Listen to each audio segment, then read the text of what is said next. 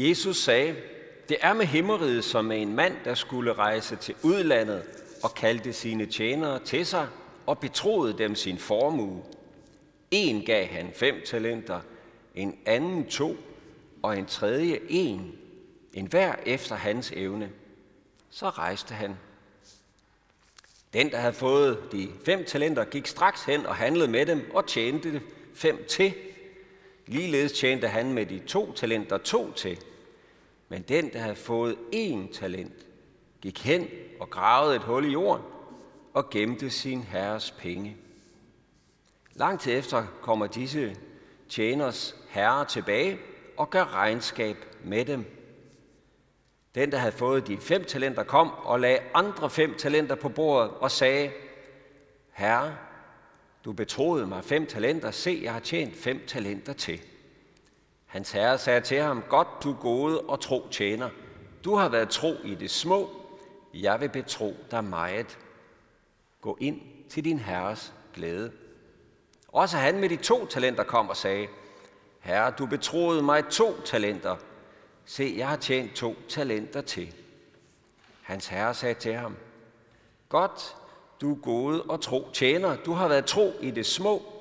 Jeg vil betro dig meget. Gå ind til din herres glæde. Så kom også han, som havde fået den ene talent, og han sagde, Herre, jeg kender dig som en hård mand, der høster, hvor du ikke har sået, og samler, hvor du ikke har spredt. Og af frygt for dig gik jeg hen og gemte din talent i jorden. Se, her har du, hvad dit er. Men hans herre sagde til ham, du dårlige og dogne tjener, du vidste, at jeg høster, hvor jeg ikke har sået, og samler, hvor jeg ikke har spredt, så burde du have betroet mine penge til vekselerende, så jeg havde fået mit igen med rente, når jeg kom tilbage. Tag derfor talenten fra ham og giv den til ham med de ti talenter. For enhver, som har, til ham skal der gives, og han skal have overflod. Men den, der ikke har, for ham skal selv det tages, som han har, og kast den udulige tjener ud i mørket udenfor. Der skal være gråd og tænderskæren. Amen.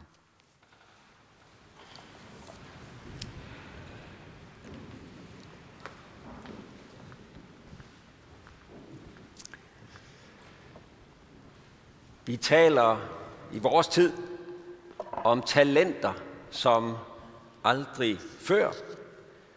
Om investering i og udvikling af talenter, om skjult og uforløst potentiale, om at få det optimale ud af de talenter, vi har. Og så skulle man jo tro, at udlægningen af Jesu lignelse om de betroede talenter ville ligge lige til højre benet for selv den mest talentløse øh, bibelfortolker. Grav ikke dit talent ned. Be the best version of yourself.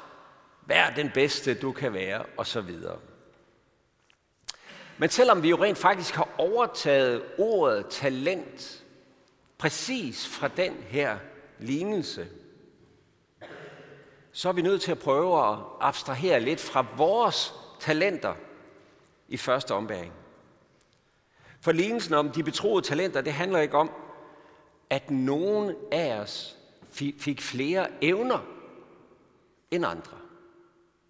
Det er ikke det, lignelsen handler om. Der står jo rent faktisk, at den rige mand i lignelsen gav forskellige talenter til sine tjenere efter evne. Og det vil jo ikke give særlig god mening, hvis øh, lignelsens pointe det var, at den her mand, eller at Gud i sit rige, giver evner efter evne. Så det er noget andet, vi skal have fat i. Vores forskellige evner spiller en rolle. De fik talenter efter evne, men talenterne selv er ikke et billede på vores evner, på det vi kan, på det vi er født med, på det vi nu formår at sætte i værk. Det er noget helt andet, vi er blevet betroet efter evne. Hvis vi nu først lige bliver i lignelsens billedunivers, så er det jo forretning, forretningsmandens formue, ikke? som øh, de her tjenere, de bliver betroet. Han rejser udenlands, og så betror han sin formue. Og en talent var på Jesu tid netop en betegnelse for et helt bestemt beløb. Det svarede til 6.000 denar. Og en denar, det var sådan en almindelig gennemsnitlig dagsløn. Så der er tale om 6.000 daglønninger. Og hvis nu vi regner med 300 arbejdsdage om året, det har det sådan cirka været på den tid, ja, så var én talent det samme, som en arbejder kunne tjene i 20 år. Det er 20 års løn. En denar. Eller undskyld, en talent. Fik jeg så alligevel blandet det sammen. En talent.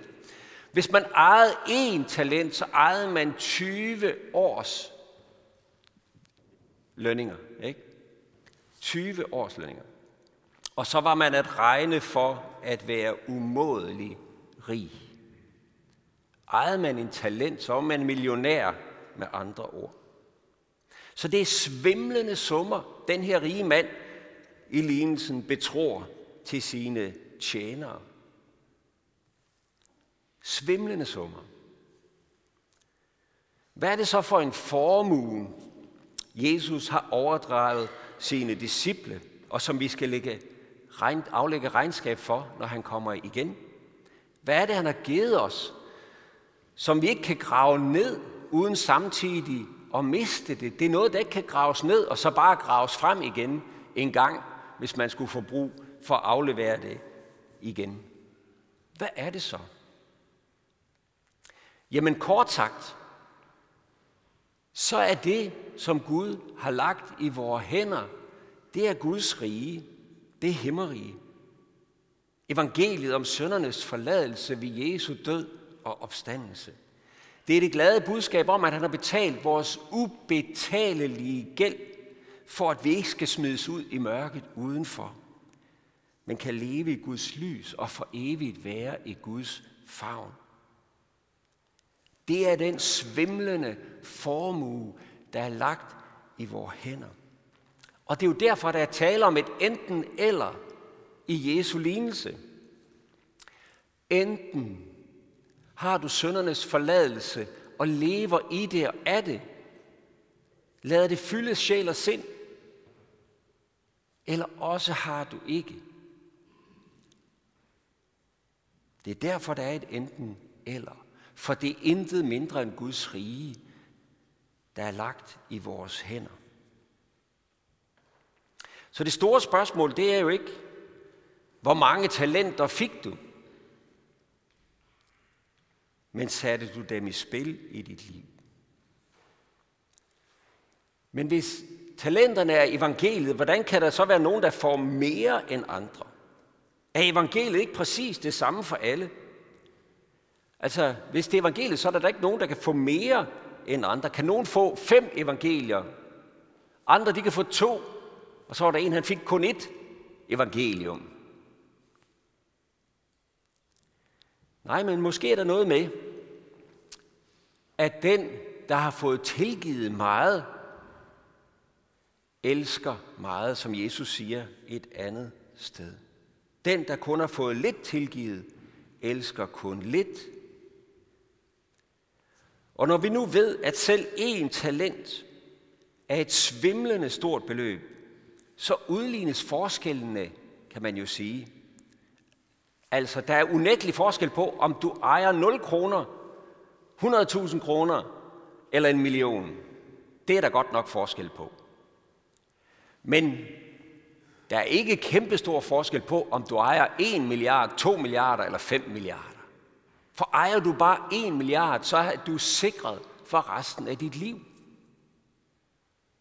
Så har du alt, hvad der skal til. Så altså evangeliet står fast i det, vi hører i lignelsen i dag.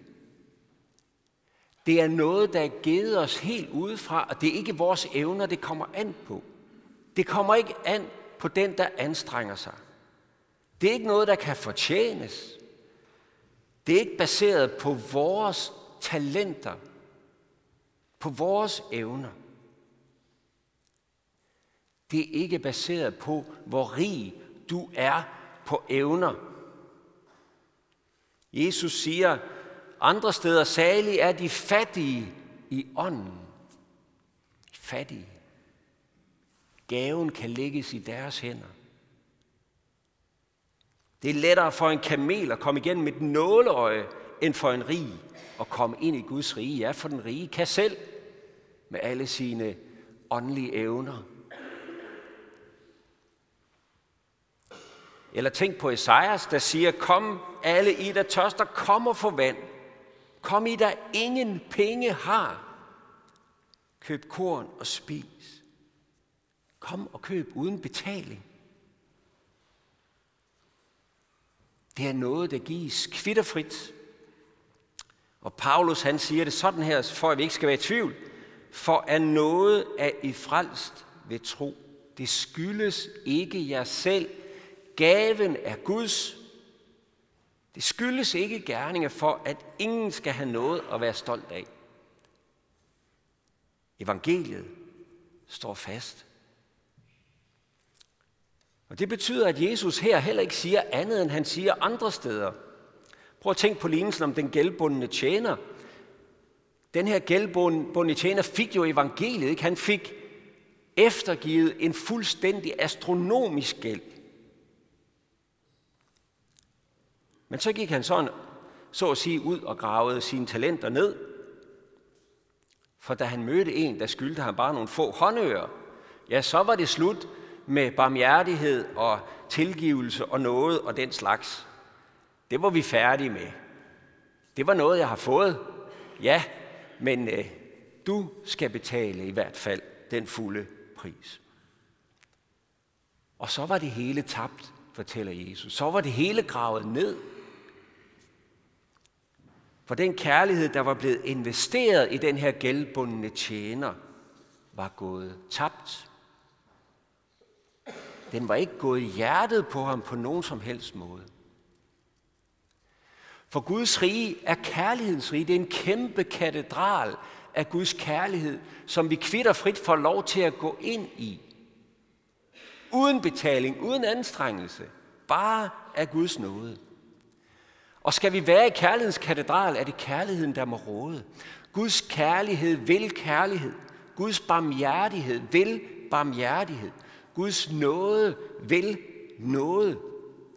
Det vi har fået for intet, vil Gud, at vi skal give videre for intet. Det skal sætte os fri til at se vores næste i præcis det samme lys, som Gud har set os selv i. Det, at Gud udvalgte det, som ingenting er, det skal åbne mine øjne, så jeg kan se Guds udvalgte og elskede i de svage og små, i dem, som verden regner for tabt, for ikke noget værd, uden evner. I dem skal jeg se Guds udvalgte, ligesom han så Guds udvalgte i mig. Det, som ingenting er. Og det, at Gud har givet mig evner, som jeg kan sætte i spil til hans ære, det skal føde en dyb glæde i mig over andres evner.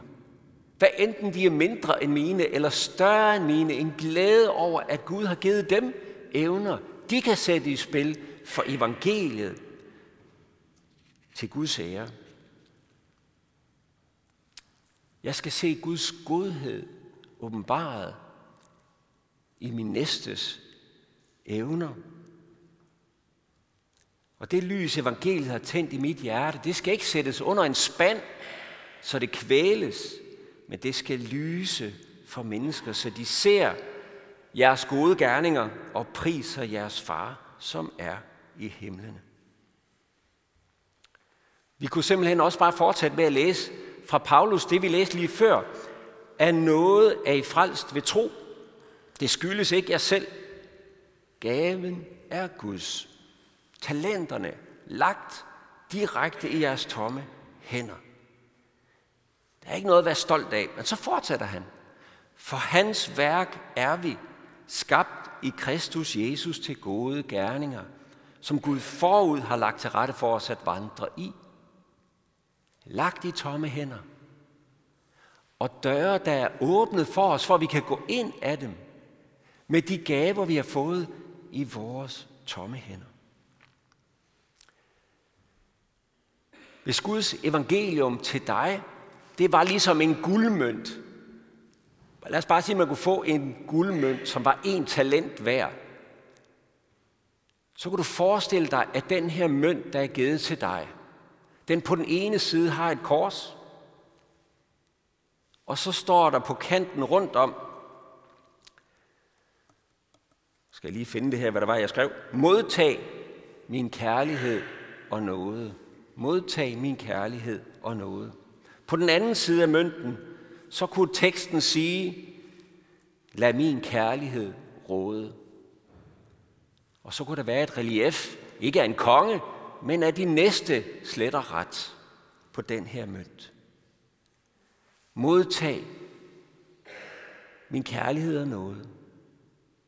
Korset på forsiden, din næste på bagsiden. Lad kærligheden råde. Det er den mønt, vi har fået. Og du kan ikke få den uden at få begge sider med. Man kan ikke kun få én side af en mønt. Graver du den ene side ned, graver du også den anden side ned. Du kan ikke bruge den ene side og gemme den anden. Det er én mønt. Og derfor bliver udfordringen til os i dag, at vi ikke graver evangeliet ned som sådan en tom og død privat ideologi eller religion, som vi ligesom øh, kan bryste os af. Det er det, vi tror på. Det er noget, vi er nødt til at investere. Det er noget, vi skal leve af og bruge og sætte i omløb, alt efter den nåde, de evner, midler og ressourcer, Gud nu engang har givet dig. Og det gælder også ganske konkret her i vores sovn og menighed. Byd ind med det, du har. Tænk efter, hvad er det, jeg kan? Hvad er det, jeg har fået? Hvad er det, Gud har givet mig efter evne, som jeg kan sætte i spil? Og sæt søndernes forladelse i spil. Og se den, der sidder ved siden af dig. Løft dem op. Lad Guds kærlighed vokse og råde. Det er det rum, vi er i.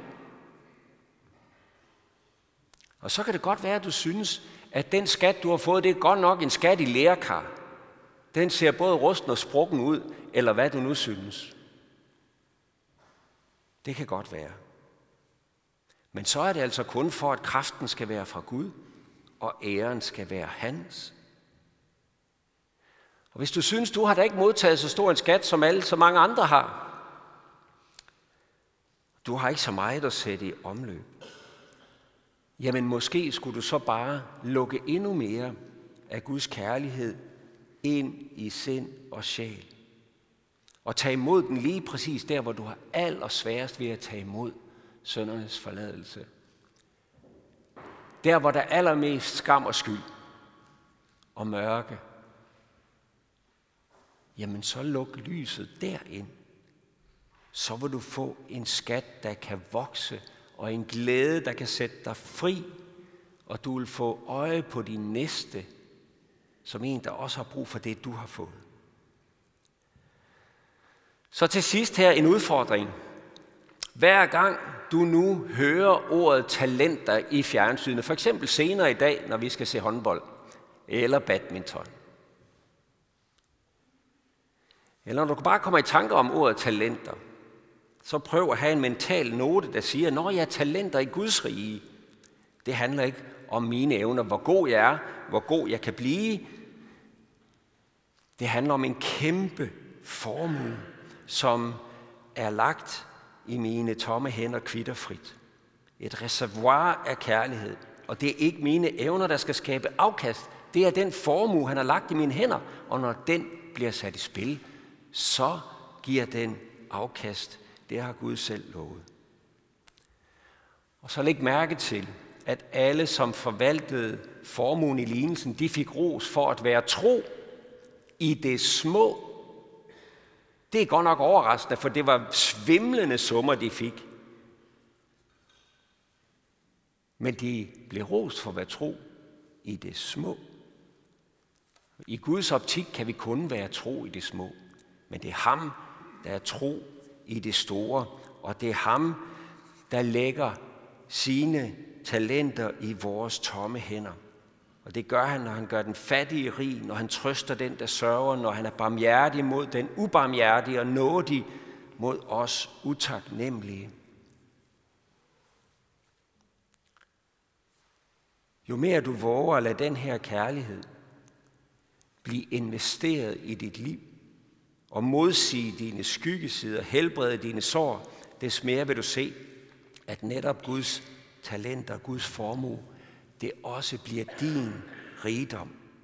Og det er den eneste rigdom, du kan tage med herfra på regnskabsdagen. Det er kun på basis af Guds rigdom i dine hænder, at vi en dag kan få lov til at høre, du gode og tro tjener, du har været tro i det små. Jeg vil betro dig meget. Gå ind til din Herres glæde.